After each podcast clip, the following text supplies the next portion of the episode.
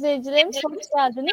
Ee, Türk Siyasal Hayat programının 3. haftasında Taha Bey ile beraber sizlerleyiz. Bu haftaki konuğumuz Taha Akyol. Ee, Taha Bey hoş geldiniz. Hoş bulduk, teşekkür ediyorum. Ee, bizi izleyen herkese selamlarımı, teşekkürlerimi sunuyorum. Başta Kutlu Kağan ve sen Ay Yüce olmak üzere davet ettiğiniz için çok teşekkür ediyorum. Biz de programımıza katıldığınız için teşekkür ediyoruz. Kaan Bey siz de hoş geldiniz. Hoş bulduk. Çok sağ olun. Ee, Taha Bey bizi kırmadı. Onur geldi. Bugün Türkiye'nin hukuk serüvenini konuşacağız. Kendisinin e, Türkiye'nin hukuk serüveni ismi bir, isimli bir kitabı da var. E, bu kitapta bir zihniyet, tarih, kültür ve aynı zamanda bu coğrafyanın yapısal sorunlarını ele alıyor. E, onu e, sohbete elimizden geldiğince, imkanlar yettiğince yapmaya çalışacağız. Taha Bey e, kaldığımız için, onu da bizi kırmadığı için çok memnunuz. Evet, kitabımızı da hemen şöyle gösterelim ve izleyicilerimize de okumaları yönünde tavsiyede bulunalım. Teşekkür ederim. Ee, konumuza geçmeden önce de e, bizi Patreon'dan desteklemeyi, videomuzu beğenmeyi ve paylaşmayı unutmayınız. E, şimdi Türkiye'nin hukuk serüveninde e, ge, gelenekten günümüze, geçmişten günümüze aslında konuyu detaylı bir şekilde ele alacağız bugün. E, şöyle başlamak istiyorum Taha Bey sizinle. E, Türkiye'nin sosyolojisini dikkate aldığımızda İslam'ın bir yönetim biçimi var mıdır? İslam ile demokrasi ilişkisini nasıl yorumlamak gerekir? İslam'da e, devlet yönetimine ait e, bir takım e, ahlaki prensipler vardır. E, fakat e, hem e, devlet kavramı, bugün anladığımız manada en yüksek hukuki otorite anlamında devlet kavramı e, Kur'an-ı Kerim'de yok. Nitekim Kur'an-ı Kerim'de yöneticiler kavramı e, kullanılır. İçinizden yöneticiler e, kavramı kullanılır. Kurumlaşmış bir devletten e, bahsedilmez. Zaten Kur'an-ı Kerim kazuistik metotla ilahi mesajı tebliğ eden bir kitap olduğu için o günün problemlerinden hareketle evrensel ilkeleri anlatmıştır. Ayrıca Kur'an-ı Kerim'in insanlara bir rejim modeli e, vermesi de e, e, ilahi mantığa aykırı olurdu. Çünkü 21. yüzyıl için, modern çağlar için verilecek bir rejim modelinin e, o zaman uygulanması mümkün değildi. E, tarım toplumunun, kabile toplumunun, aşiret toplumunun e, ihtiyaçları için, sevk ve idare prensipleri için bir rejim modeli verilseydi bugün e, bize imkansız olarak görünecek. Halbuki Kur'an-ı Kerim iyilikle davranın, adaletle davranın demiştir. Kul hakkını el uzatmayın demiştir. Kurallı, prensipli davranışları söylemiştir. Bunlar her çağda, her toplum yapısında gerekli olan ilkeler.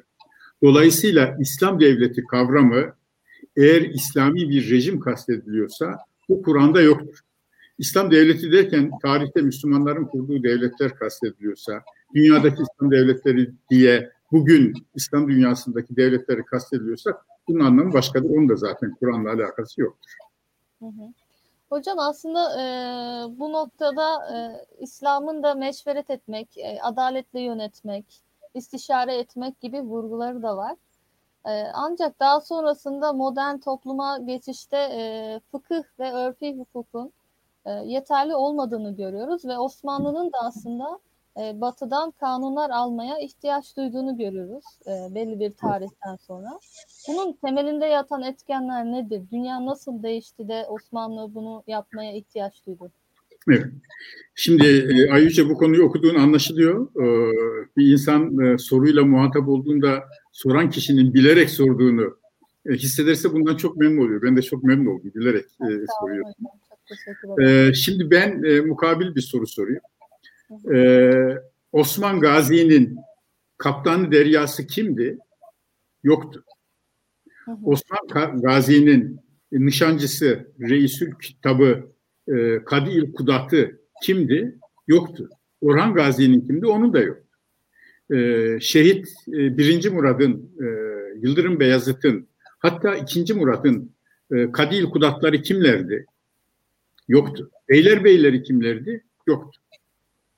Evet. Bu bize hepsi aynı üretim şartlarında e, yaşayan, aynı toplumda yaşayan, aynı coğrafyada yaşayan insanların aşiretten devlete geçerken bile yeni kurumlara, yeni kurallara ihtiyaç duyduklarını gösteriyor. Osman Gazi dönemi, e, Orhan Gazi dönemi, birinci Murat, e, hatta ikinci Murat'a kadar Yıldırım Beyazıt da dahil böyle tertemiz bir e, aşiret e, ruhunun dayanışması içerisinde, e, gaza ruhu içerisinde insanların dayanışma duygusuyla yönetilebildiği toplumlar. Ama giderek dev, beylikten devlet seviyesine çıktıkça, hele de imparatorluk seviyesine çıktıkça Anadolu beylerbeyi, Rumeli beylerbeyi evvela ikili bir baştaksın gerekmiş. Vezirler yetmemiş, vezir azamlar gerekmiş. Denizlere açılmışsın, kaptanı deryalar gerekmiş. E, yargı teşkilatı, e, kadılık teşkilatı o kadar genişlemiş ki Şeyhülislamlıktan ayrı bir kadı kudat, kadılar kadısı e, diye e, bir e, müessese kurman gerekmiş. E, tahrir defterleri, enderunlar kıyamet kadar. E, 19. yüzyıla geldiğimizde, 1800 yıllara geldiğimizde bunların Katip Çelebi tarafından e, anlatıldığı gibi e, çeşitli ıslahat layihalarında e, anlatıldığı gibi bunların artık fonksiyonunu kaybettiğini, modern kurumların ise zaten olmadığını görüyoruz. Yargıtay var mıydı? Yoktu ama bugün Yargıtay'dan vazgeçebilir miyiz? Danıştay var mıydı Tanzimat'a kadar? Yoktu ama bugün Danıştay'dan vazgeçemeyiz kurumları çoğaltabiliriz. Bunu ta devlet planlama teşkilatına, valilik teşkilatına, okullara kadar götürebiliriz. Kanuni Sultan Süleyman zamanında ilkokul var mı? Bu bize toplumun, e, toplumların geliştikçe ihtiyaçlarının e, arttığını, devletin özellikle modern toplumda daha önce hiç akla gelmeyen görevler yüklendiğini görüyoruz. Kanuni Sultan Süleyman'ın milli eğitimle ilgilenen hiçbir tane adamı var mıydı? İhtiyaç yoktu milli eğitim diye bir kavram, eğitim, okul açmak diye bir kavram yoktu. Bunu e, hayırseverler kendileri mahallede yapıyorlardı. Öğrettikleri şey de çok sınırlıydı. Meslekler, sanatlar, bugün bilim diyebileceğimiz şeyler de Enderun'da öğretiliyor. Ama bugün bütün modern toplumlarda üniversite diye bir kavram var. Üniversite deyince de özel olacak mı olmayacak mı bir yığın modeller, tartışmalar, siyasetin müdahalesinin, organizasyonun ne olacağı konusunda problemler ortaya çıkıyor. İşte Osmanlı Devleti 18. yüzyıla e, geldiğinde Batı karşısında artık zannettiği gibi üstün değil, aksine çok dun vaziyette o zamanki kavramla çok düşmüş, çok aşağı vaziyette olduğunu gördü.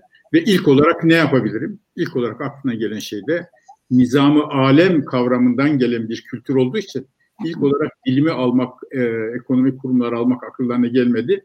Nizam almak fikri akıllarına geldi. İşte kanun, tanzimat, e, Yargıtay'ın, Danıştay'ın e, kurulması, e, ikinci Mahmut zamanında bakanlıkların kurulması, Sadrazam'ın başvekil, başnazır giderek de sadrazam olarak, vezir azamın sadrazam olarak anlaşılması şeklinde yeni kurumlar kurma ihtiyacı duyuyor.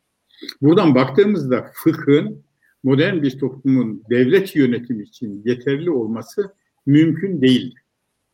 Mecelle'nin e, hakimler bahsini açtığınızda orada hakimin veliyül emr yani halife adına yargı yaptığı yazı. Bugün hakimler halife adına e, dini anlamda demiyorum, devlet başkanı adına, yürütme erki adına yargı yapmazlar. Yürütme erki ayrı, yargı erki ayrı, e, yasama kuvvetler ayrılığına geliyoruz. Bir hakim bağımsızlığı diye kavram var.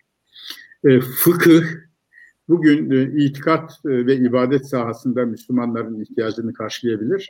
Ama kamu hukuku, anayasa hukuku, devlet hukuku, e, idaresi anlamında fıkı referans dahi olamaz. Bunu modern hukuk okumuş birisi olarak e, sadece ben söylüyor değilim. Hayrettin Karaman'ın kendisi üç ciltlik e, Mukayeseli İslam Hukuku e, adlı kitabında İslam hukukunda kamu hukukunun gelişmediğini söylüyor. Bugün e, herhangi bir modern toplumu Ahkam-ı Sultaniye kitabıyla yönetebilir misiniz? Ama kendisi aynı kitabı haraç, kitabı haraçla bugünkü vergi sistemini götürebilir misiniz? KDV'yi ne yapacaksınız? Gelir vergisini ne yapacaksınız? Müterakki vergiyi ne yapacaksınız? Özel tüketim vergisini ne yapacaksınız? Bunların hepsi modern ekonominin ortaya çıkardığı yeni kazançları vergilendirmek için. Fıkhın teşekkül ettiği 9. 10. 11. 15. 18. yüzyıl diyelim o kadar gelmez ama e, o yüzyıllarda bu kazançlar yoktu ki bu kazançları vergilendiren bir hukuk sistemi olsun. Onun için e, Müslümanlar maalesef aşağı yukarı 100 yıldır, 150 yıldır İslam devleti kuracağız diye boşuna enerjilerini sarf ediyorlar. Boşuna maalesef bu yüzden çok büyük gerilimler, zaman zaman çok feci hadiseler yaşanmaktadır. Müslümanların din ve vicdan hürriyetine sahip olarak bir mümin sıfatıyla inandıkları gibi yaşama sıfatına sahip olabilecekleri, hürriyetine sahip olabilecekleri tek rejimin modern liberal demokrasi olduğunu görmeleri artık e, rahmetli Erol Güngör ağabeyimizin de söylediği gibi enerjilerini siyasette israf etmek yerine e, dini ilimlere, dünyevi ilimlere, tefekküre, bilime, sanata, ekonomiye, sanayiye e, enerji vermeleri lazım. Evet. E, siz İslam ile demokrasinin ilişkisini nasıl yorumlarsınız Türkiye sosyolojisi temelinde? Ee, şimdi Taha hocamın yanında tabii böyle konuları konuşmak kolay değil. O yüzden sürçülisan edersek şimdiden affola. Ee, ben şöyle başlayayım. Ee, Taha hocam Karar Gazetesi'nde e, yazıyor son dönemde. Ben de görüşler kısmında oraya ara ara katkı veriyorum. Evet biliyorum. O anlamda, biliyorum. E, Taha hocamın yazılarından da ilhamlı tabii ki e, e, bir şeyler ortaya koymaya çalışıyoruz. Bu anlamda e, Türkiye'de devleti, kamuyu, e, sosyal hayatı ve yeni gelişen bir takım süreçleri takip etme noktasında da anlamda ortaklığımız ve ilham aldığım kendi adıma süreçler var. E, o anlamda ben şuradan başlayayım. E, en baştaki sorunuza dönecek olursak Kur'an'da herhangi bir e, sistem var mı? Siyasal sistem, ekonomik sistem, hukuki sistem var mı sorusuna e, benim e, okumalarımda gördüğüm şey Kur'an'ın herhangi bir veya herhangi bir dinin aslında dünyaya dair iktisadi bir sistem, siyasal bir sistem, e, ekonomik, e, hukuki bir sistem vaat etmediğini görüyoruz. E, bu alanlarda hükümler var, hukuki hükümler var ama sınırlı. Bunlar aynı zamanda tarihsel, örfi ve dönem itibariyle de e, toplumu düzenlemeye ihtiyaç duyulan otoriteye bağlı olarak gelişmiş şeyler. Yani dini alana dahil olan şeyler değil. E, bir diğeri e, İslam'da demokrasiyle e, ilişki noktasında meseleyi ele aldığımızda Türkiye'de ben şöyle üç grup gözlemliyorum. Türkiye'de bir İslam'ın e, dini olarak siyasal hayat bir önerme sunabileceğine inanan ciddi bir sosyolojik kitle var. Bir ikincisi de e, İslam'ın demokrasiyle uyumlu olduğu aslında ikisinin birbiriyle çatışmadığını düşünen melez bir grup var. Üçüncüsü de daha seküler, daha laisist düşünen aslında e, dinin, İslam'ın dünyevi alanda herhangi bir önermesi olamaz veya bu önerme bizi bağlamaz diye düşünen üçüncü bir grup var. Şimdi bunlar arasında tabii ki e, bizim e, yapmamız gereken, e, düşünmemiz gereken şey esasında temelde şu. E, din e, dünyevi hayatı düzenlerken normatif bir önermeyle bir nizamı alem öneriyorsa eğer biz bu nizamı alemi kullanırken önümüzde bir mutlak iyi ile karşı karşıya dururken bunu nasıl yeni hayata adapte edeceğiz? Bunu nasıl güncelleyeceğiz? Ve aynı zamanda hayatın binlerce sorunuyla hukuki, iktisadi ve siyasi olarak dini metinlerden referans alarak nasıl başa çıkacağız? Bu sorunun cevabını kimse verebilmiş değil. İslam evet. dünyasında evet. bu önermeye bulunanların hiçbirinden bu konuda rasyonel bir cevap alabilmiş değiliz. Dolayısıyla bizim e, benim kanaatime göre çıkarmamız gereken sonuç şu. E, biz dünyada insan eşya ilişkilerinde, insan madde ilişkilerinde e, aklı ve deneyimi kendi hayatın iç aktörlerinden çıkardığımız tecrübeye, ihtiyaca göre şekillendirmek ve bunu güzel, formel kurumlara dönüştürmek zorundayız. Aslında İslam dünyasının üretemediği şey de asırlardır bu. Yani biz e, idealar aleminde mesela Doğu dünyasının büyülü kavramları var. İşte yöneticinin erdemliliği, adaleti, fazileti, e, işte halkı refaha ulaştırması, iyilik üzerine emretmesi ve yönetmesi gibi. Fakat tarihsel süreçte bu idealar alemindeki o büyülü kavramların ne yazık ki e, kurumsal, formel ve kapsayıcı bir güzel kişiliğe dönüşemediğini görüyoruz. Yani ne dini anlamda ne de seküler anlamda bir türevi bu coğrafyada üretilemedi. Dolayısıyla bunun sıkıntısını yaşıyoruz. Modernleşmeyle aramızda yaşadığımız krizde biraz buna bağlı diye düşünüyorum. Evet. Şimdi e, bu bahsettiğin e, Doğu bilgeliğinin e, yönetime dair böyle metafizik, soyut felsefi kavramları Çin'de de var. Ve bunu sadece Müslümanlar hayata geçiremedi değil, Çinliler de hayata geçiremedi.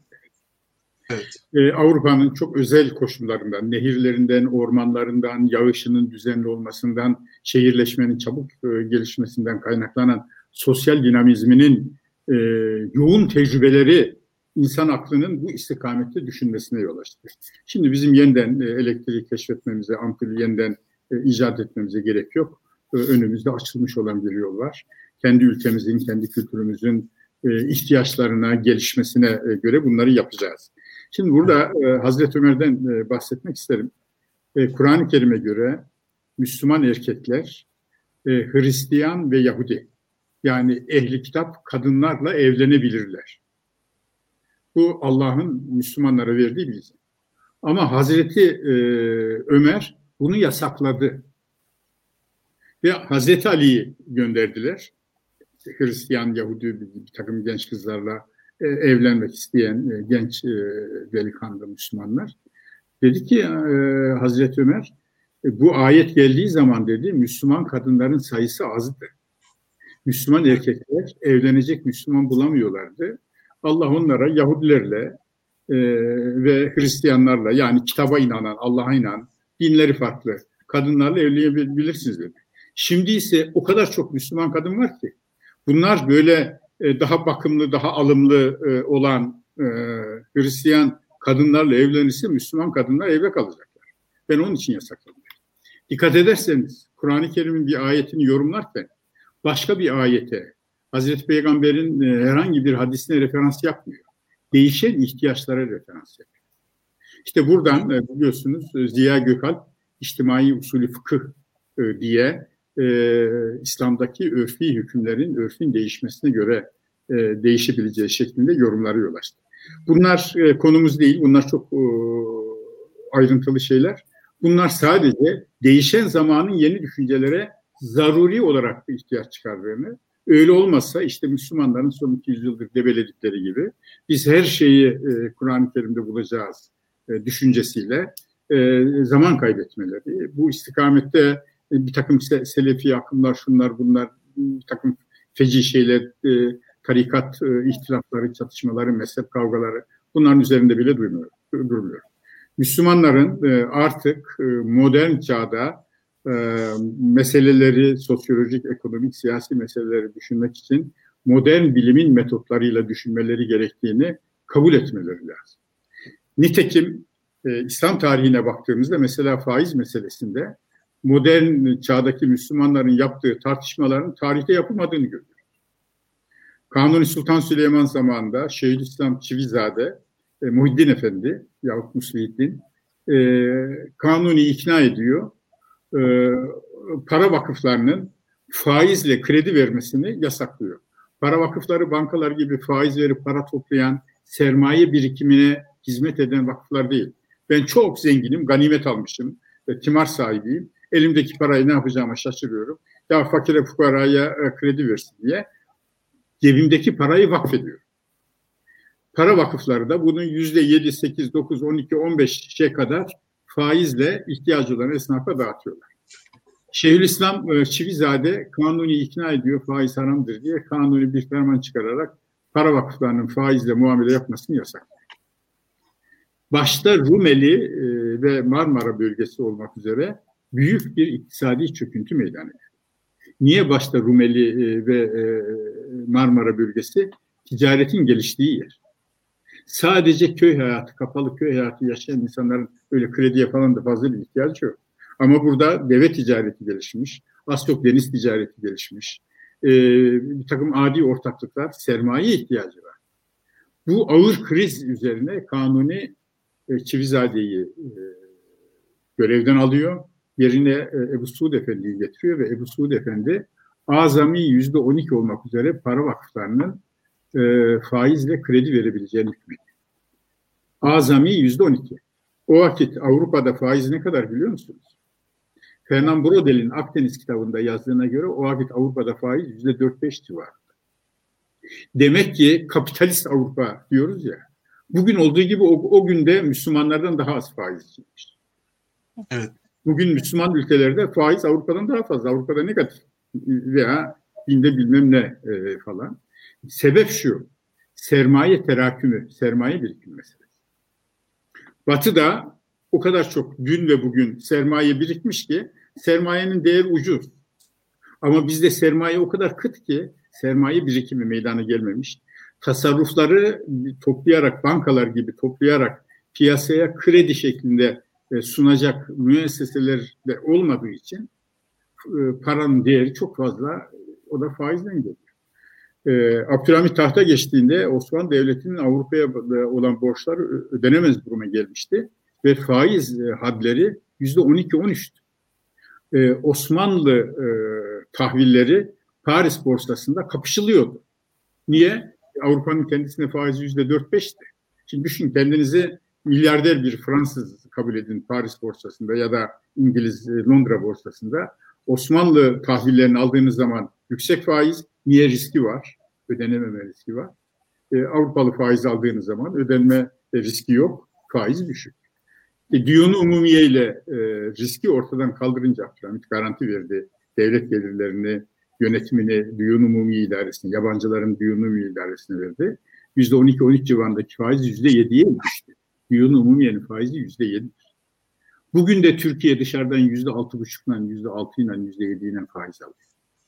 Dolayısıyla bu işleri ekonomi denildiği zaman modern ekonomi, ekonomi bilimi açısından bakmamız lazım. Devlet idaresi dediğimiz zaman modern anayasa hukuku, modern kamu hukuku açısından bakmamız lazım tekraren ifade edeyim. Hiçbir İslam hukukçusu çıkıp da fıkıhta kamu hukuku gelişmiştir diyemez.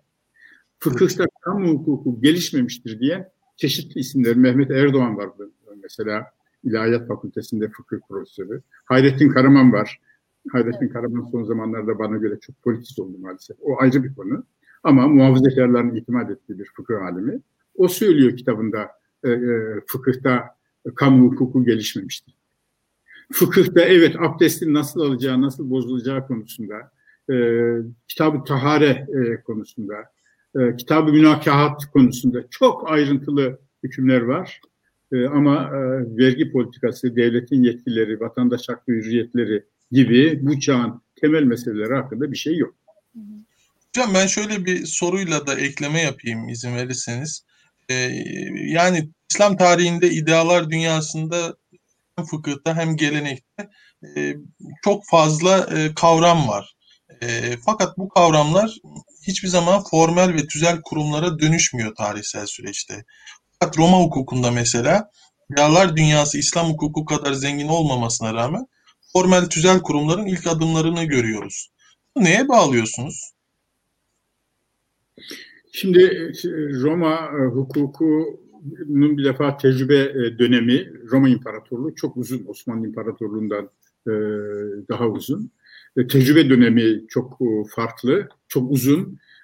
Çok farklı coğrafyalarda yayılmış. Mesela vatandaşlık kavramını geliştirmek lüzumunu hissetmiş. Osmanlı Devleti'nde vatandaşlık kavramı batıdan alındı. Yanılmıyorsam 1856 veya 1858 falan gibi bir tarihte evet, e, Tebayi Osmaniye kanunnamesi çıktı. Biz Osmanlı'dan aldık. Halbuki Roma daha ikinci asırda e, vatandaşlık kavramını geliştirmişti. Romalı olmak, Roma şehrinde mukim olmak başka, dışarıdakiler vatandaş değildi. Fakat giderek nüfus hareketleri, kölelerin getirilip çalıştırılması, onların zaman içerisinde refaha kavuşması falan öyle bir siyasi kaos yarattı ki hukuk, vatandaşlık diye bir kavram geliştirilmesine yol açtı. Ben e, bütün e, bunları e, da en önemli faktörün coğrafya olduğu kanaatinde. Coğrafya insan hareketlerini hızlandırdıkça, yoğunlaştırdıkça yeni hareket tarzları, yeni hukuki düşüncelere, yeni felsefi düşüncelere, yeni siyasi düşüncelere yol açıyor. Ama İstanbul'da yaşayan bir esnaf 18. yüzyılda 1700'lerde yaşayan bir esnaf ile 7. E, yüzyılda Şam'da, Bağdat'ta 8. yüzyılda e, İskenderiye'de, Kahire'de yaşayan bir esnafın ticaret işlemleri aynıydı. Hocam, Mesela defteri kebir diye bir usul bilmiyorlardı bunlar. Hı hı. O 17. yüzyılda da bilmiyorlardı Müslüman esnaf e, defteri kebir usulünü, bilanço usulünü işte pozitif negatif borçlar alacaklar. E, Buna çift sayfalı mı çift kanatlı mı defter usulü diyorlar. Müslümanlar bunu bilmiyorlardı. Halbuki bu Avrupa'da o- 13. 14. yüzyılda ortaya çıkmıştı. Neden? Avrupa daha çok ticaret yaptığı için daha büyük rakamlarla iş yapmak, daha büyük rakamları yönetmek. Ee, Ebu Vefa'yı biliyorsunuz. Ee, 9. yüzyılda e, Türk e, kökenli bir e, Müslüman e, büyük matematikçi, matematik tarihinin önemli. Onun yazdığı 7-8 tane tüccarlar için matematik risalesi var. Hı hı. Daha başkaları da vardır ama benim rastladığım sadece bu. Ama e, e, 13. yüzyılda, 14. yüzyılda e, İtalyan e, şehirlerine, e, sitelerine geldiğiniz zaman yüzlerce matematik risalesi yazılmış. Hele de e, 15. yüzyılda matbaaya geçtikten sonra artık binlerce, on binlerce, yüz binlerce basılarak çoğalmış. Matematiğe bu talep niye geliyor? Onlar bizden daha zengin olduğu için değil. Artık bakkal defteriyle yönetmek mümkün olmadığı için matematiğe ihtiyaç hissediyor. İşte defteri bir tutmak, aktif pasif hesapları vesaire falan.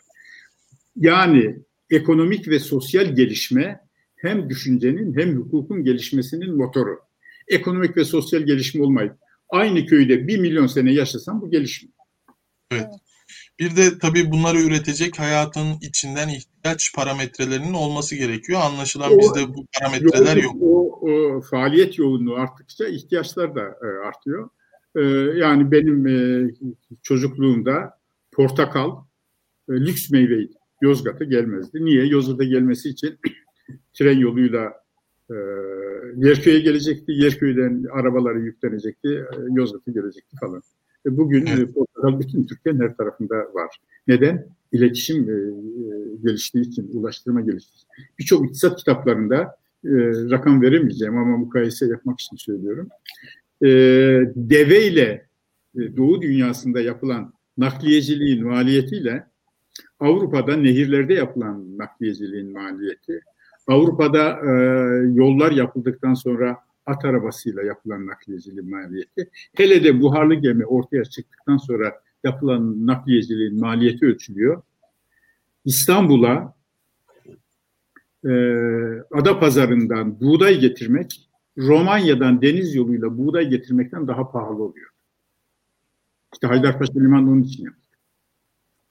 Hocam burada e, şöyle aslında araya girmek istiyorum. E, her ne kadar tabii ki de bu e, coğrafyanın getirdiği belki hantallıklar olsa da e, sizin de kitabınızda bahsettiğiniz gibi aslında Osmanlı Devleti e, örfi hukuku ön planda tutarak çağın gereklerine ayak uydurmanın da ne kadar önemli olduğunu Tabii tabii. olan bir devlet e, diye düşünüyorum.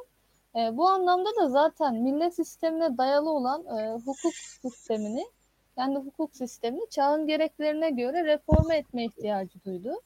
Bu anlamda Ahmet Cevdet Paşa'nın mecellesi önemli bir adım diye düşünüyorum. E, bu süreçten itibaren başlayan yeni vatandaşlık e, algısını veya vatandaşlık sistemini yaratma noktasında e, hukukun üstünlüğü ve kuvvetler ayrılığı gibi hususlarda hangi aşamalardan geçtik Cumhuriyete kadar?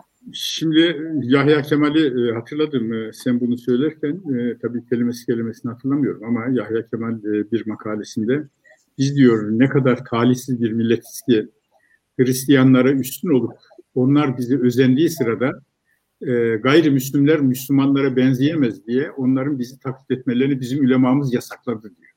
Hı hı.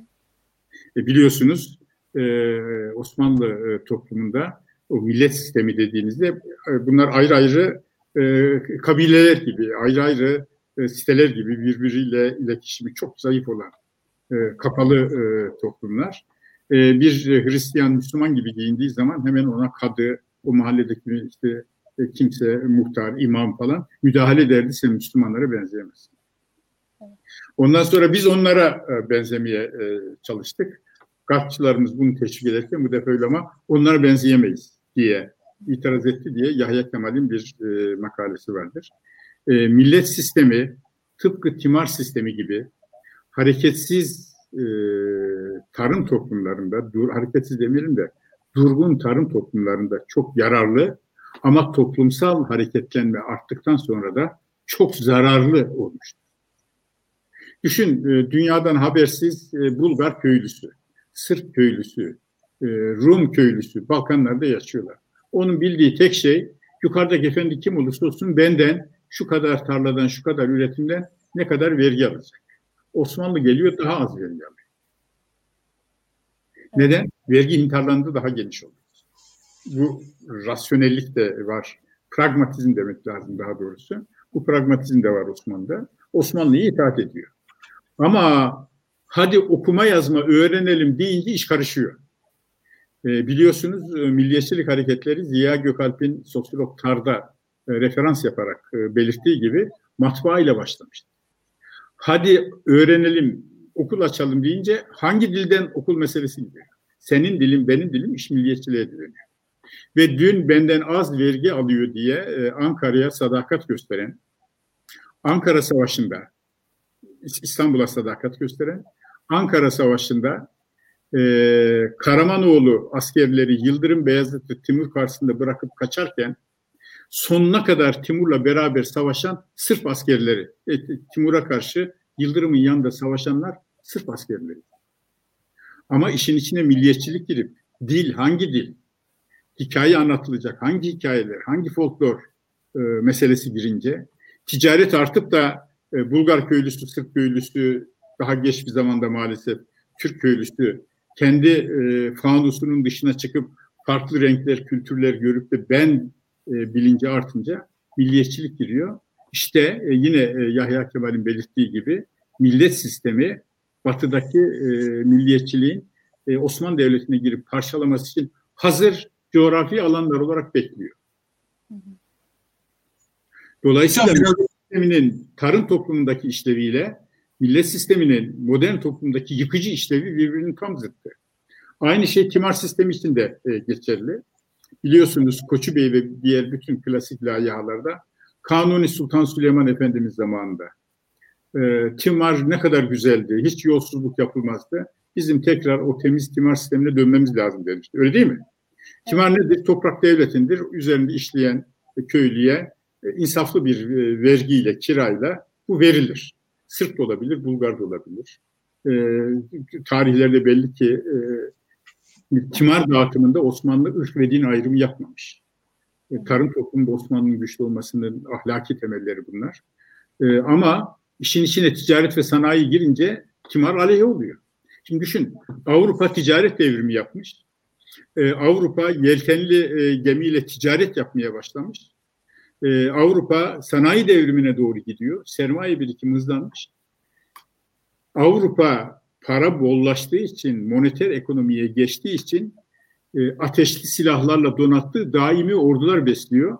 Sen bunun üzerine timar askeriyle elde kılıç kalkan mızrak hadi yürü bakalım. E, mağlup oluyorsun. Hadi biz de yapalım deyince para seninki para ekonomisi değil ki aynı ekonomi, timar ekonomisi. O yüzden Koçu Bey gibi büyük alimlerin kanuni zamanına dönelim demesi zehri bir tür e, tedavi gibi e, sunmaları şeklinde bir yanılgıydı. Timar sistemine dönülemezdi. Osmanlı'nın ticareti ve sanayiye dönülmesi lazım. Onlar hayır ticareti ve sanayiye değil tarıma dönelim dedi.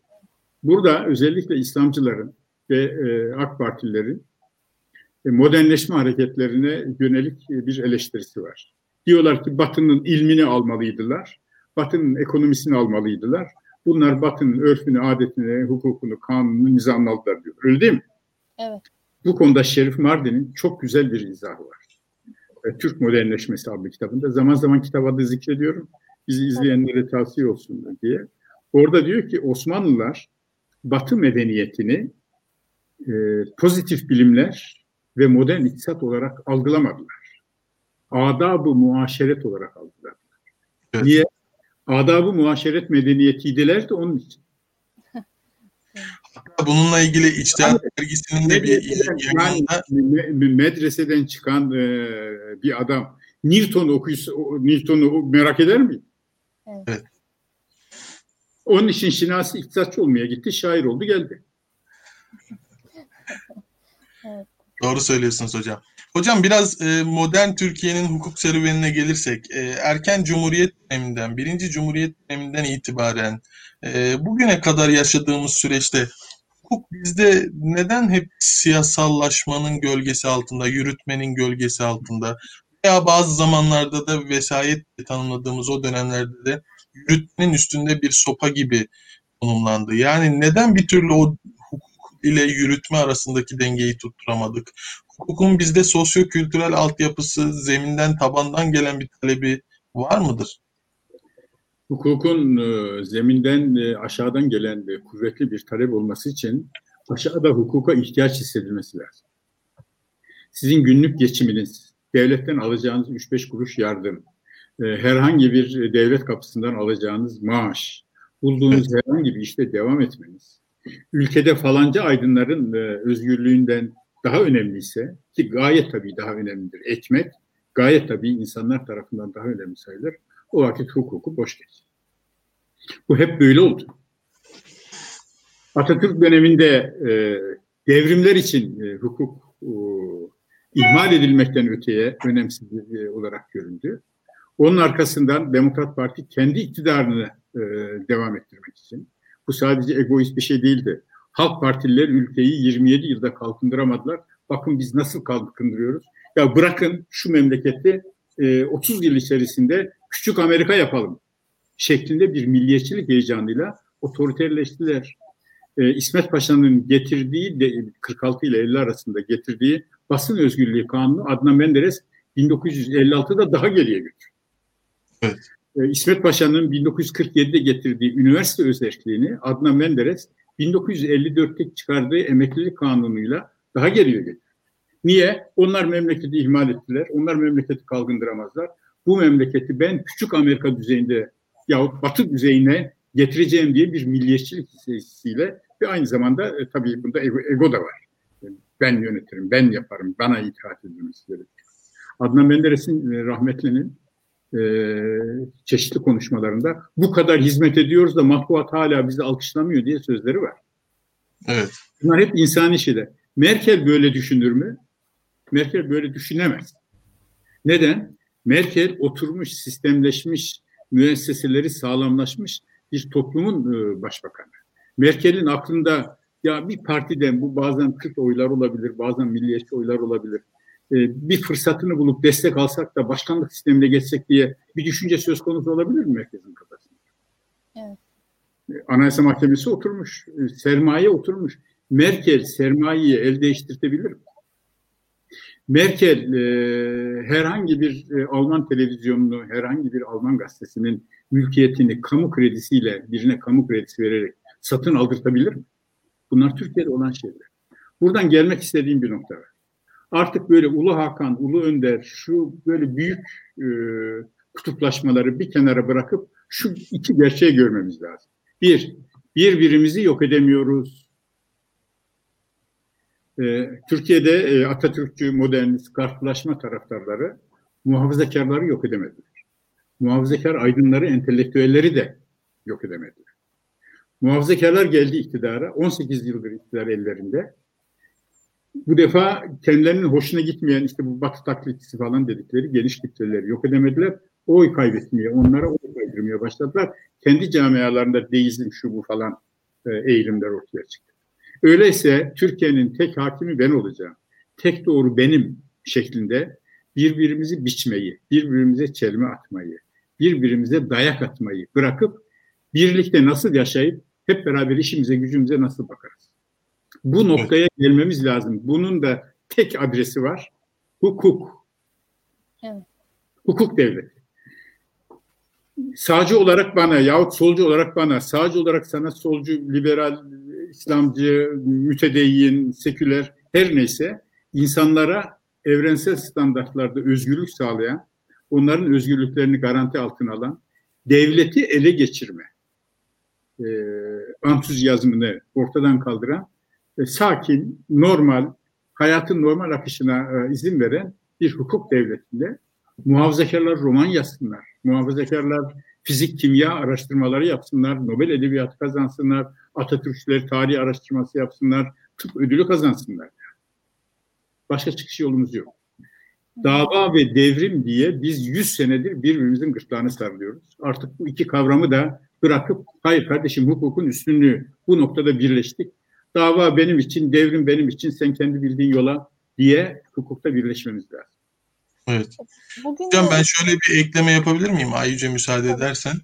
Ee, şimdi Amerika'da da e, eyaletler arasında böyle e, çatışmalar olunca e, sürecin sonunda yasanın egemenliği gibi bir kavramla Amerika e, huzura, refaha ve demokrasiye erişti. Ben e, bizdeki sürecin de biraz oraya gittiğini görüyorum hocam. Tabii ki bu e, tabii, tabii, tabii. gelen dinamikler bunu üretebilirse. Yani ülkenin modern, elitist ve kendi anlayışı itibariyle de azınlıkta olan grubun e, devlete tahakküm kurduğu bir 80-90 yılın sonunda bugün muhafazakarların bir rövanşist, İslamcıların bir rövanşist anlayışıyla, milliyetçilerin de buna eklenmesi, eklemlenmesiyle son dönemde bir potansiyel boşaldı. Yani artık karşı tarafların e, birbirinden alacakları bir hınç kültürünün e, hayatın içindeki yapısal sorunlara çözüm üretemediği anlaşılıyor. Ve bu ha, anlaşıldı değil de anlaşılıyor. Evet e, ve bu anlaşılma süreci yeni nesillerde, metropollerde, küreselleşmeyle, kentleşmeyle, eğitimle e, hızla e, ivmesini artırarak devam evet. ediyor. Ben öyle görüyorum. Dolayısıyla burada e, Türkiye'nin e, bir yap, yapısal mutabakat, yasanın egemenliği sürecine er ya da geç varmalıyız, varacağız. Ya bizim en azından teşvik etmemiz gereken süreç bu olmalı diye düşünüyorum. Evet. E, şu anda hala e, Türkiye'de e, kutuplaştırma, e, karşı tarafı hain e, diye suçlama, işte İstanbul Belediye seçimlerini falanca aday kazanırsa Yunanistan kazanmış olacak. Yani bu söyleyecek lafın bittiği yer. E, evet. bu, bu kadar da olmaz. Ama bu kadar e, tahrik, provokasyon, kutuplaştırma e, yapıldı. Televizyonları dinlediğimizde ne tür laflar söyleyenin e, sıfatına, e, mesuliyetine yakışmayacak ne tür laflar duyuyoruz politikacılardan. E, ama e, Kutlu'nun söylediği gibi yeni nesil devrimi de takmıyor, davayı da takmıyor. İyi diyorlar. Bence de çok güzel yeni nesil birlikte yaşamak, birbirlerinin arkadaş oluyorlar. Başı açık, başı örtülü, e, ne bileyim ben sigara içen, içmeyen çeşitli hayat tarzlarında kimisi sağ eğilimli, kimisi sol eğilimli. Fakat e, hayata daha dönük e, insanlar geliyor. E, maalesef geciktik ama gidiş e, oraya doğru muhakkak öyle de e, olacak bu. Ben e, şeyi görüyordum, e, yine Ayıcı'nın sözünü kesmiş oldum. E, bugüne kadar hocam hayatın dışından gelen ideolojik, ahlaki, normatif, kutsal, metafizik belirlenimler hayatı çok bugünden sonra aslında daha hayatın iç faktörlerine, e, hayatın ihtiyacına, hayatın sorununa e, ideolojiler üstü bakabilecek e, bir noktaya doğru gidiyoruz. Sanırım çünkü, e, varacağımız mutabakatın da temel taşı burası olacak. Çünkü e, hayat artık yaşanmaya değer hale geldi orada. Yandım evet. yandım kar verdi falan diye biz de böyle Ağustos'ta suya girsem balta kesmez buz olur falan. Bunlar ne kadar kasvetli şeyler öyle değil mi? Öyle bir toplumda e, biraz e, yukarıya e, çıkan e, Osmanlı'da etraki bir idrak diyor. Cumhuriyette de gerici diyor aşağıdakileri. Aynı. Yani Osmanlı'da avamı nas kavramını kullananlar, etraki bir idrak kavramını kullananlar e, imtiyazlı devletli takımıdır. Cumhuriyette de gerici kavramını kullananlar aşağıya baktıklarında onlar da cumhuriyetin e, elitleridir. Artık piyasa ekonomisinin gelişmesi, eğitimin gelişmesi bu kalıpları, bu duvarları yıkıyor. Artık varoşlarla şehrin merkezi arasında tramvaylar, otobüsler, e, e, taşıt araçları, özel e, arabalar, e, metrolar e, kuruluyor. Artık e, varoşlarda e, iyi bakımlı, e, e, güzel mimarili e, inşaatlar yapılıyor, parklar yapılıyor. Orada da bakımlı insanlar görüyoruz sokaklarda falan. Türkiye yoluna yeni girdi. O yüzden Türkiye'yi bu yoldan geri çevirip e, böyle kafalarındaki bir davanın, e, kafalarındaki bir e, devrimin simgesi haline getirmek isteyenler akıntıya kürek çekiyorlar. İkisi de öyle. Türkiye normal modernleşme yoluna girmiştir. Normal modernleşme dediğimde e, tokatla, sopayla modernleşme değil, toplumun iç dinamikleriyle. Piyasa ekonomisi ve eğitim bize o iç dinamikleri kazandırdı. Biz e, üniversiteden mezun olduğumuzda hala da bu adet devam ediyor. E, işte bir böyle resim veriyorduk, altına da bir şeyler yazıyorduk. E, ben bunu bir gün yazı konusu da yapacağım. E, ben 1968'deki e, mezuniyet, siz o zaman dünyada yoktunuz gayet tabii. Evet, evet. 68'deki e, mezuniyet yıllığına resmimin altına bir şiir yazmış. Sahipsiz olan bir vatanın batması haktır. Sen sahip olursan bu vatan batmayacaktır. Halbuki vatan batmıyordu ya. Peki bu duygu bize nereden geliyordu? Vatanın battığını e, tarihte okuyarak, büyük kayıplara okuyarak. Artık görüyoruz ki böyle dava, işte vatan batıyor falan yok. Hayır. Bizim vatana karşı borcumuz var. O vatanı kurtarma borcu değil.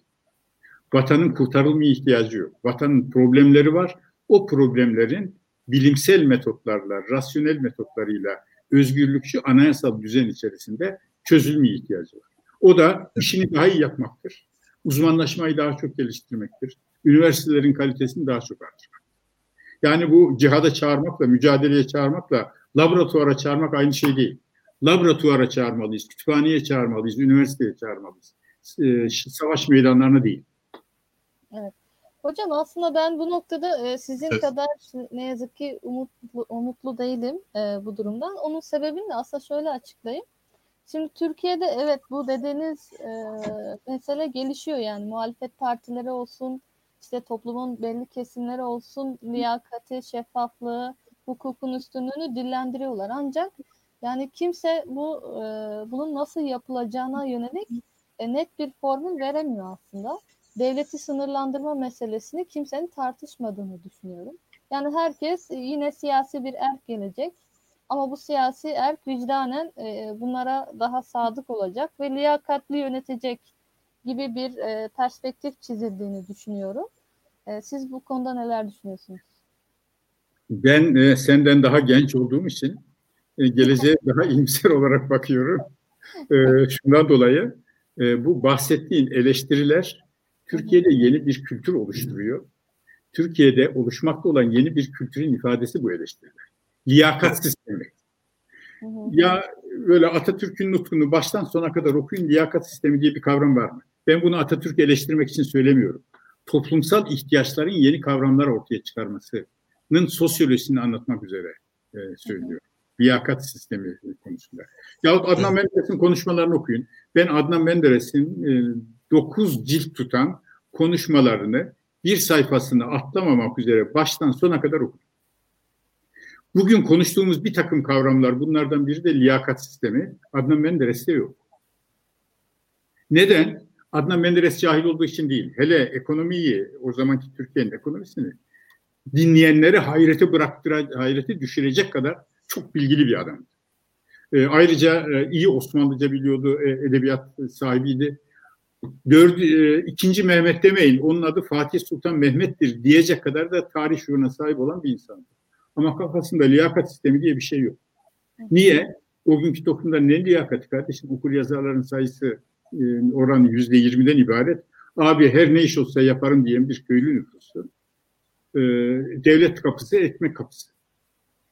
İşte bu söylediğin kavramların konuşuluyor olması bile toplumda ihtiyaçların yönünü bize gösteriyor. Değişen yönünü gösteriyor. Ayrıca güçlendirilmiş parlamenter sistem diyorlar. E, yargı bağımsızlığı diyorlar. HSK'yı eleştiriyorlar.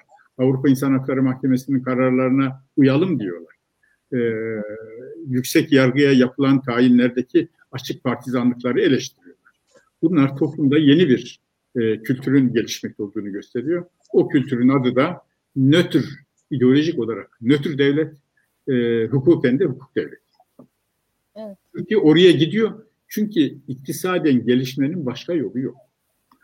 Türkiye 25 bin dolar gelir seviyesine e, ulaşacaksa üniversitelerinin böyle olması mümkün değil.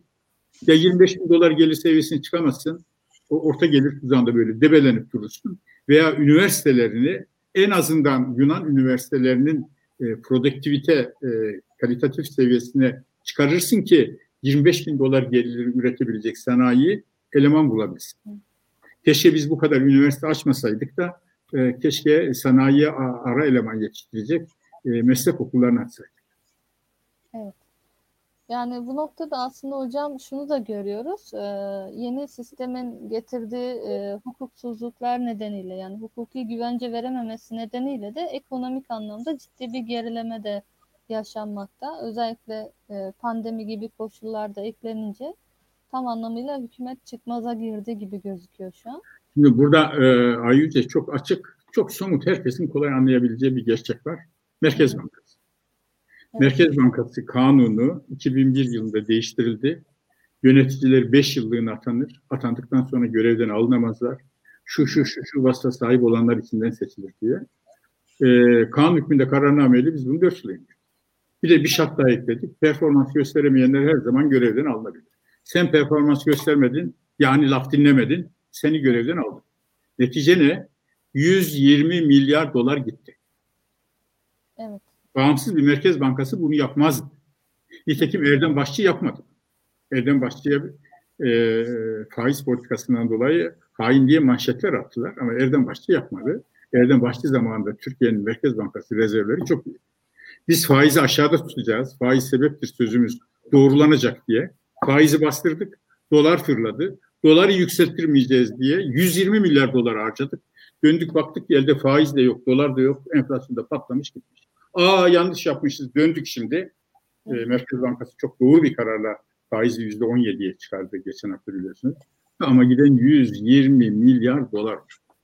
Evet, kesinlikle öyle. Şu pandemi ortamında o 120 milyar dolar kaç e, milyon ailenin e, sofrasındaki e, yavan ekmeğin yanına e, bir tas ayran koyardı. Hocam biraz toparlama da yapalım. Ee, şöyle bir toparlama da yapalım. Evet. Ee, Türkiye'nin e, yeni bir anayasaya ihtiyaç duyduğunu düşünüyor musunuz? Bu anayasayı oluşturacak parametreler size göre neler? Ve bu anayasanın aynı zamanda e, temel olarak devleti sınırlandırma endişesini biz nasıl kurabiliriz? Mutabakat mı, siyasal olarak mı, tabandan bir talep mi beklemeliyiz? Yoksa siyasiler arası uzlaşma buna yeterli e, performansı gösteriyor mu? Ee, bir defa e, bir anayasa yapmak için atı alan Üsküdar'ı geçti fırsatçılığından sakınmak gerekir. Anayasanın e, mutlaka mutabakatla olması lazım. Ama mutabakat sağlayamıyoruz. O vakit mutabakat sağladığın yerleri yaparsın. Askeri darbe yaparak bir anayasayı getirdiğinde toplumun büyük çoğunluğu buna evet dese bile bir süre sonra bu askerin anayasasıymış deyip problemler ortaya çıkıyor. Yürümedi. Onun evet. arkasında yüzde 51.4 ya bu kadarcık fark. General de Gaulle'ün anayasası yüzde 78 oyla, pardon yüzde 74'tü galiba. O civarda bir oyla kabul edilmişti. Hala devam ediyor.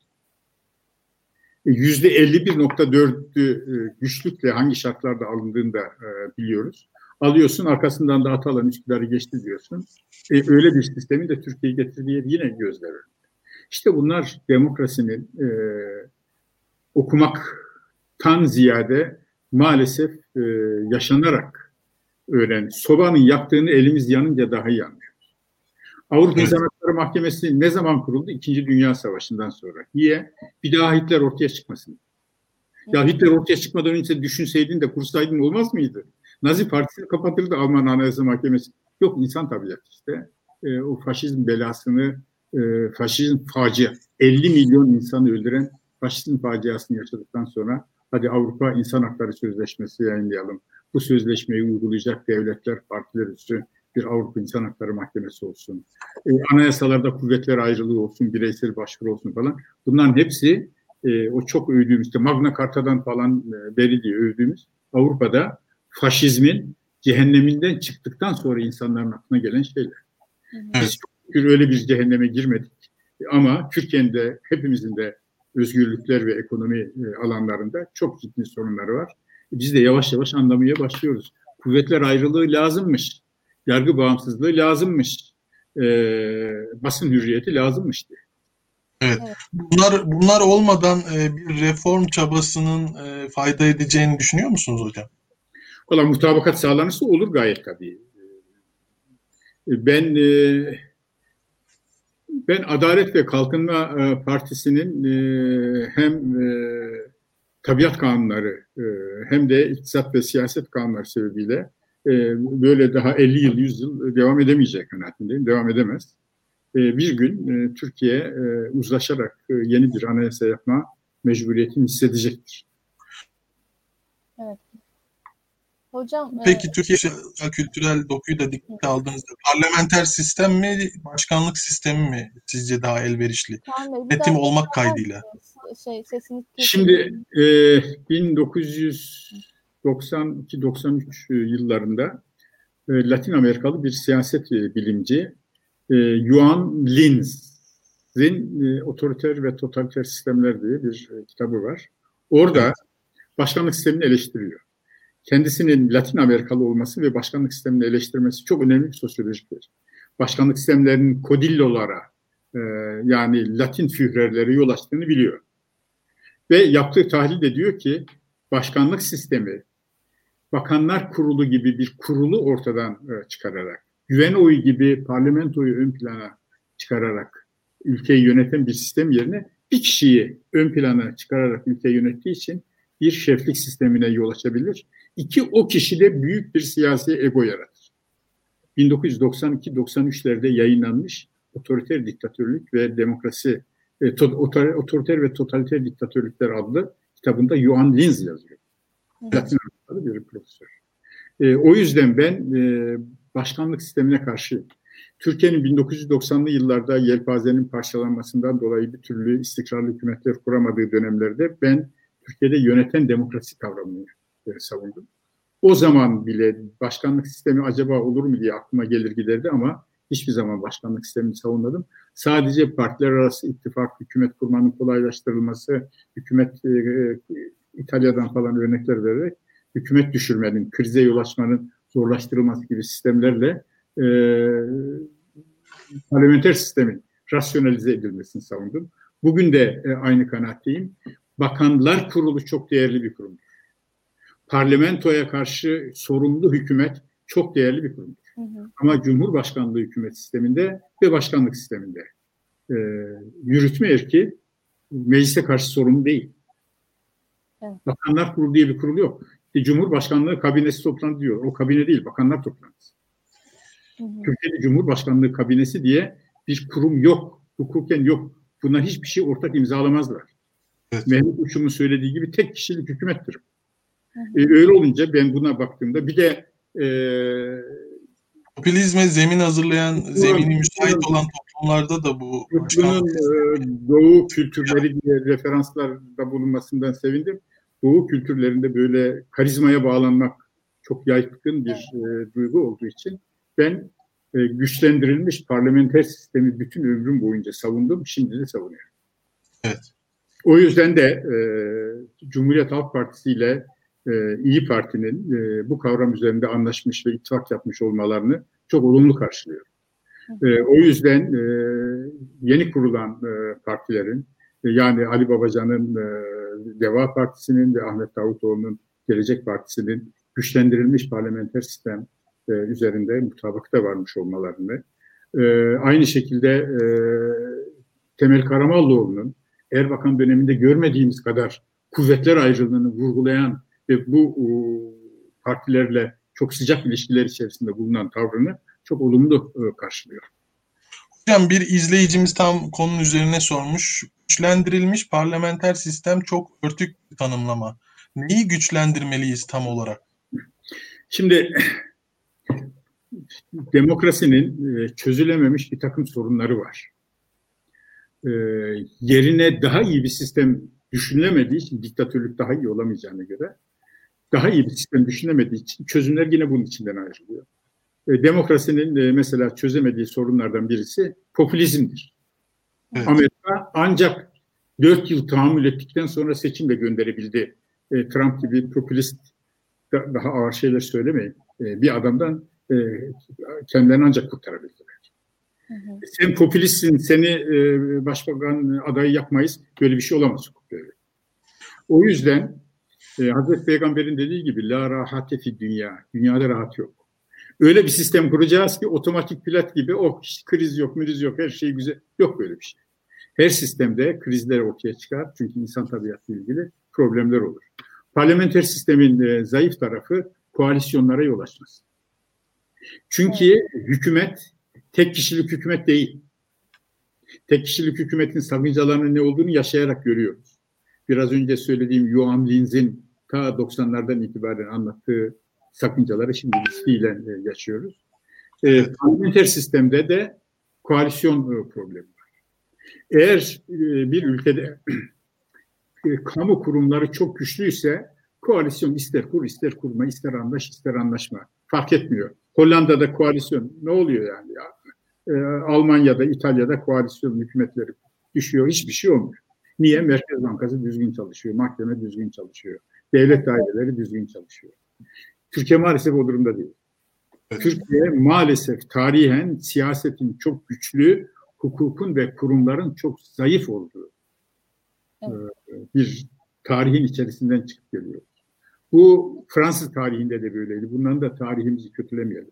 Tarihi çok iniş çıkışlı, çok e, nasıl söyleyeyim çok mücadele olan toplumlarda hukuk e, ancak uzun bir e, barış döneminden sonra kendisinin önemini kavrattırır hale gelebiliyor. Bizde de demokratik kurumlar zayıf.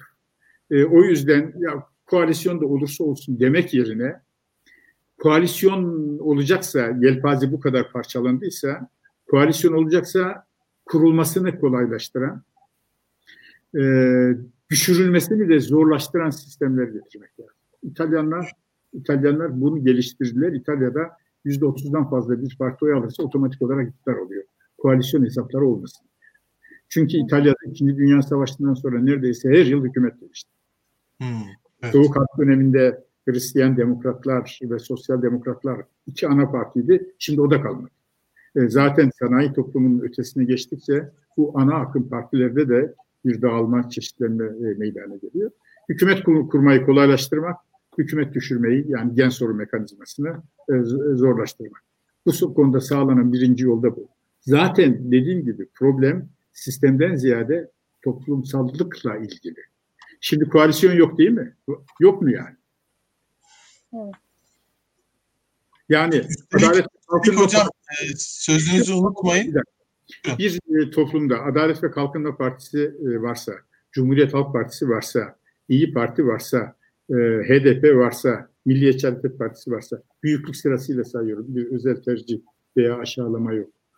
Onun yanına yeni partiler kuruluyorsa bu mecburen koalisyon olur. Bunun başka çıkışı yok. Başkanlık sistemi olduğu zaman böyle koalisyon oluyor. Başkanlık sistemi olmasaydı oturup bir araya gelip şu bakanlık senin, bu bakanlık benim, şu prensiplerle ülkeyi yöneteceğiz diye bir koalisyon protokolünü millet ilan edecekler. Ona göre güven oyu alacaklar veya yerine başka bir şey kurulacak. Ben de tam onu söyleyecektim. Problemi, koalisyon ve siyasi iktidar problemi öncelikle sosyolojiktir. Evet. Yani e, koalisyon olması aslında bir anlamda e, prensiplerin ilan edilmesi, şeffaf biçimde e, halkın karşısında hangi alanlarda uzlaşıldığını, hangi alanlarda uzlaşılamadığının açıklanması bir anlamda iyiydi.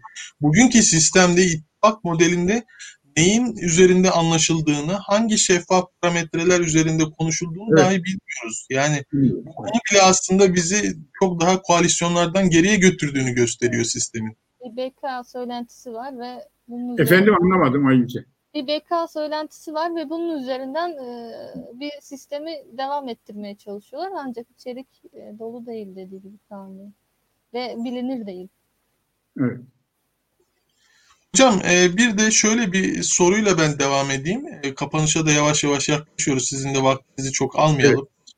Türkiye'de Anayasa Mahkemesi ile yerel mahkemeler arasında yaşanan krizde e, yürütmenin daha çok yerel mahkemeyi politik olarak desteklemesi ve aynı zamanda da son dönemde yaşanan Avrupa İnsan Hakları Mahkemesi'nin kararlarının bizi bağlayıcı olmadığının yürüt tarafından ifade edilmesi ne anlama geliyor? Yani bizi o bağlamazsa, bu bağlamazsa ne bağlayacak? Ben bunu çok merak ediyorum. İşte ayak bağı olmasın deyince istediğin yere koşuyorsun. Koşacağın yerde belli olmuyor yabancı sermaye gelmiyor. Bir de benim üstüme koşarsa ne yaparım diye. Korkuyor adamcağız yani. Şimdi e, Türkiye'deki yargı problemi görünenden çok daha vahim, görünenden çok daha e, ciddi. E, bir defa bir FETÖ e, örgütlenmesi oldu. Bunun sorumlusu eski Anayasa Mahkemesi'dir. e, bir adaya bir oy verme usulünü iptal etti. Yetkisiz olduğu halde Anayasa Mahkemesi. Öyle olunca liste bizzat bu hükümetin e, Adalet Bakanlığı FETÖ'cülerle seçim kazanalım diye o zamanki yaptılara karşı işbirliği yaptılar. Arkasından yaşanan e, yargı facialarını e, biliyoruz. Onun yerine FETÖ'nün temizlendiği temiz bir yargı kurmak yerine bizden bir yargı kurma politikası izlendi. Evet. Hatırlayacaksınız çarşaf çarşaf AK Parti il başkanı, ilçe başkanı, ilçe yönetim kurulu üyesi avukatların hakim ve savcı olarak atandığı listeleri gördük. E, hakim ve savcı e, sınavını e, kazanıp staja başlamak için yazılı sınavda 70 puan almak lazım. Bu şartı kaldırdılar. 50 puan alan, 55 e, puan alan bir kimse mülakata girdi. Mülakatların nasıl işlediğini biliyoruz değil mi? Evet. Adeta yargıda bir siyasallaşma dönemi yaşandı. Bugün e, ben artık avukatlık falan yapmıyorum çoktandır ama e, bir takım avukatlardan dinliyorum. Gencecik ağır ceza reisleri var. Hı hı. Avukat kendi yani çok başarılı bir avukatın e, ben hakim olacağım, savcı olacağım diyeceğini tahmin etmiyorum. E, adam avukatlıkta işte vasat e, sınav açılmış. Sınavda zaten düşük puanda. Mülakatta bizden tırnak içinde. Hadi hakim oldum. Ertesi günde ağır ceza reisi Böyle bir yargı yapılanması meydana geldi. Bunu mahkeme kararlarında, savcılık iddianamelerinde de görüyoruz. Düşünün ki savcılık iddianamelerinde Osman Kavala'yı suçlamak için Yahudi Soros'tan bahsediliyor. Böyle iddianame olur mu ya? Soros'la Osman Kavala arasında mektuplaşma varsa o mektubu koyarsın. Soros'la Osman Kavala arasında e, para alışveriş olduysa onun dekontunu koyarsın. Telefon görüşmeleri olduysa onun içeriğini tespit edemediysen bile e, şu saatte şurada görüşler diye tespitler e, yapılabiliyor. Onları koyarsın. E, ama bu 3. Dünya ülkelerinde gördüğümüz komplo teorisiyle Yahudi Soros demokrasileri devirmek için, rejimleri devirmek için bunları kullanıyor. Bu da öyleydi diye iddianame yazılır mı ya? Subliminal mesaj veriyorlar diye iddianame yazılır mı? Oldu bunlar Türkiye. Olmakta bunlar Türkiye. O yüzden yargı meselesi zordur. Zor bir meseledir. E, bu da e, işte yine döndük dolaştık aynı şeye geldik. Adaletin üstünlüğünü yaşayarak öğrenmek. Necip Fazıl'ı hepimiz biliyoruz değil mi? Hı hı. E, onun e, Büyük Mazlumlar ve e, Büyük Din Mazlumları diye kitabı var. E, evet. E, o kitabı e, okuyan, o kitapları okuyan birçok insan eminim gözyaşlarını tutamamıştır. Ama o kitabı yazarken ne Necip Fazıl'ın aklına gelmiştir, ne okuyanların aklına gelmiştir. Bir devlet zulmedemez hale nasıl getirilir, bunun çaresi ne diye bu soru aklına gelmiş. Öyle değil mi Kutlu? Öyle hocam. Necip ee, Fazıl'ın kitabında devlet bir devletin ister dindar olsun ister olmasın, layık seküler olsun, vatandaşlarına zulmedemez hale getirilmesinin çaresi nedir diye bir faaliyet gördük mü biz Necip Fazıl'ın kitaplarında veya Ali Fuat Başgil'in dışında diyelim. O, o çok müstesna e, kendisini rahmetle, saygıyla anıyorum. Minnetle, şükranla anıyorum. Kaç tane yazarımız var? Ee, böyle bir bahsettiğiniz kitabı da e, muhafazakar camiada kültürel bir in ve nefret kültürünü e, zemin, zemini hiç de, zemini hiç de e, etik olmayan bir e, meseleden üretme kabiliyetini de gösterdi yani. Yani o ideoloji örgüsündeki devlet sistemi tamamen otoriter bile değil, totaliter bir devlet sistemidir. Evet. Mesela... Ben de bunu yeni laf açılmışken söylemiyorum. Bilim ve Yanılgı adlı kitabımda e, vardır. Evet. Hocam orada göstereyim ben burada. Ay sağ ol, teşekkür ederim. Ya böylesinden konuşalım. Ayüce ile birlikte kitaplarımı göstererek bana moral veriyorsunuz. Şu anda yeni kitap yazıyorum. Artık sabaha kadar oturmam bu enerjiyle. İnşallah hocam. Bekliyoruz heyecanla. Bekliyoruz. Aslında e, değindiğiniz konuların özünde şu var. Kimse devletin e, bütün vatandaşlar için nasıl iyi hale getirilebileceğini tartışmıyor. Herkes e, kendi. Devletin bütün vatandaşlar için yolu. Devleti ele geçirmek değil. Devleti ele geçirmek zehirli bir beyin urudur. Bir hastalıktır. Devleti ele geçirme değil. Devletin herkese adil olması, herkese eşit uzaklıkta olması, hukuk devleti olması. Evet. Hocam Türkiye'de bugün e, hukuk devletini şöyle bir kenara bırakacak olursak en azından kanun devleti var mı ortada? Vallahi biliyorsun biz e, rektör yapmak için e, YÖK kanununda e, bir problem var mı? Yok yok devam edin hocam. E, YÖK kanununda e, kanun hükmünde kararname ile değişiklik yaptık. 3 yıllık rektörlük şartını e, kaldırdık.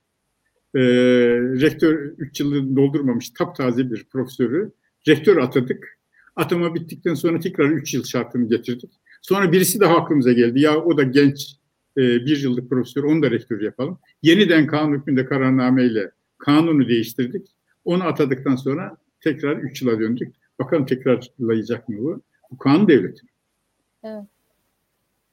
Yani En azından kanun devleti, kanun devleti e, anayasaya iktidarın kendisinin yazdığı 90. maddedeki e, milletler arası anlaşmalar. Yani Avrupa İnsan Hakları Sözleşmesi bütün yerli kanunlardan, yerli mahkeme kararlarından üstündür şeklindeki maddeye uyar değil mi? Peki şu konuda ne dersiniz hocam? Ee, erken Cumhuriyet döneminden beri e, devam ede gelen o Kemalist vesayetin bize en azından asgari demokrasi, asgari siyasal e, yolda devam etmesi, Türkiye'nin devam etmesi anlamında e, kanun devleti sınırları içerisinde tuttuğunu, fakat bugün muhafazakarların ürettiği tecrübenin hiçbir normatif şey skala tanımadığını düşünüyor musunuz? Buna katılır mısınız? Hayır, e, hayır buna e, katılmıyorum. E, yani Kemalizm böyle çok e, normatif e, davranan, e, kuralları olan ama otoriter olan e, bir rejim değildir. E, Kemalizm de e, kendi tavrı bakımından e, gerekli gördüğünde anayasayı yok saydı. 1924 Anayasası'na göre idam cezalarının onaylanması münhasıran yani tekel halinde Türkiye Büyük Millet Meclisi'ne aittir. İstiklal Mahkemesi'nin idamlarını kim onayladı? Meclise geldi mi? Gelmedi. 1935'te çıkarılan e, Tunceli Kanunu. O kanunda istiklal mahkemeleri yok. E, orada Ağır Ceza Mahkemesi'nin Tunceli'deki, Dersim'deki Ağır Ceza Mahkemesi'nin vereceği idam kararları. Evet. Kanunda yazıyor diyor ki Ağır Ceza Mahkemesi'nin vereceği idam kararları mahalli komutanın tasdikiyle infaz olur. Halbuki anayasada hala e, açıkça e, idam cezalarını onay yetkisi sadece meclise aittir. Hı hı.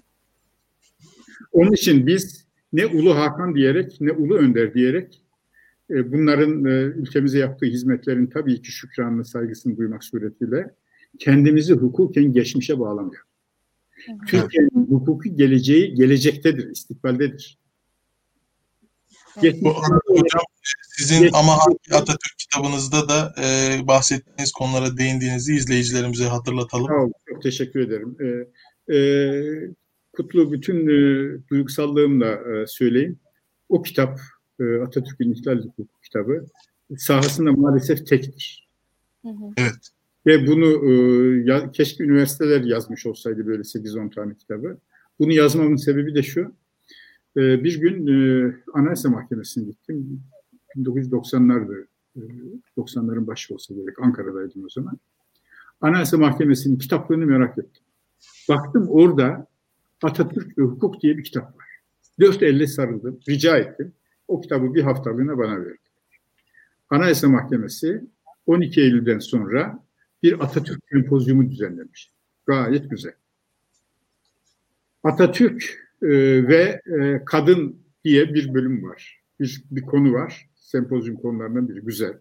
Atatürk ve borçlar hukuku. İsviçre'den borçlar hukukunu almamız. Böyle bölümler var. Hatta Atatürk ve toprak reformu diye bir bölüm de var. Bir Atatürk'ün toprak reformu konuşmaları olmakla beraber olmadı. Sonradan çiftçiyi topraklandırma kanunu 46'da falan çıktı. Bunlar var. Ama Atatürk ve Anayasa diye bir bölüm yok. Hı hı. Düşünün Anayasa Mahkemesi Atatürk ve Hukuk diye bir e, sempozyum düzenliyor. Sempozyumun konuları arasında Atatürk ve Anayasa yok. Ya halbuki Atatürk'ün iki anayasada imzası var. 1921-1924. Hı hı. Evet. Hukukçularımız dahi hukukun neresinde görebiliyor musun? Orada karar verdi. Az çok hukuk tarihi okudum. İyi ki de, iyi ki de karar verdiniz hocam. Evet. Ee, de karar verdiniz. Atilla İlhan'ın Tamam. hangi Atatürk kitabından sonra e, çok daha fazla istatistiğe, veriye ve belge incelemesine dayanan bu ama hangi Atatürk kitabı? Özellikle Atatürk'ün ideolojik olarak bir pozisyonda değerlendirilemeyeceği hayatın gerçekleriyle pragmatik hamlelerini pragmatik. Evet. anıtını da sunar nitelikte bir kitap. Teşekkür ediyorum. Çok memnun oldum. Evet. Evet. Valla bana heyecan verdiniz. Ben sabaha kadar uyumayacağım. Bu enerji yeter bana sabaha kadar gelip savunma çalışmaya devam Yeter ki yaz- yazın e, kalan ömrünüz de inşallah şimdikinden daha bereketli olur. Evet. Ee, Türkiye'de kamusal yarara e, entelektüel bir kimlik olarak yıllardır ısrarla, heyecanla, motivasyonla umudunuzu kaybetmeden destek oluyorsunuz, yarar üretiyorsunuz. Bu yararın e, tabii ki e, inşallah siyaset, sosyal hayatta, kamusal hayatta e, daha görece iyilik ürettiği, fayda ürettiği günleri de biz görürüz diyelim. İnşallah. İnşallah. İnşallah. İnşallah. Daha Çok fazla da yok. Evet. Sağ olun. Çok teşekkür ediyorum e, her ikinize de. E, Bizi izleyen herkese çok teşekkür ediyorum. E, Hayırlı hafta sonları diliyorum. En çok da herkese bol bol okumalar diliyorum. Evet. İnşallah hocam. Çok sağ olun. Bizi onur ettiniz. Çok memnun olduk. Çok teşekkür İyi ederim. akşamlar. Gelecek hafta e, Kemal Can e, konumuz olacak. Bir sonraki haftamızda onu da kaçırmamanızı tavsiye ederiz. İyi akşamlar. Kemal Can'ı ben de yazılarını takdirle okuyorum. E, ben de tavsiye ederim. Hocam bir de kapatırken e, bir son söz alalım. Yani hem izleyicilerimize, izleyicilerimiz arasında daha çok genç kitleler var. Daha kentli, daha e, hayatı e, rasyonel endişelerle takip eden kitleler var. Onlara son söz olarak söylersiniz. Her şeyden önce kendileri olmalarını tavsiye ederim. Hiç kimsenin e, gölgesi olmasınlar. Hiç kimsenin emir kulu olmasınlar. Herkese saygılı, e, dinleyen ama kararı kendisi veren e, insan olsunlar. Hüsnü Aşk Mesnevisini bilirsiniz Şeyh. Hoşça bak zatın, zatına kim? Zübde-i alemsin sen, Adem'in özetisin sen. Merdumi dide-i ekvan olan Adem'sin sen insan yaratılmışların göz bebeği olan Adem'sin sen. Evet. Böyle olmanın e, onuruna e, sahipsin. Kendileri olsunlar. Hı hı. Çok teşekkür ediyoruz hocam. Ben teşekkür ediyorum. İyi akşamlar diliyorum herkese.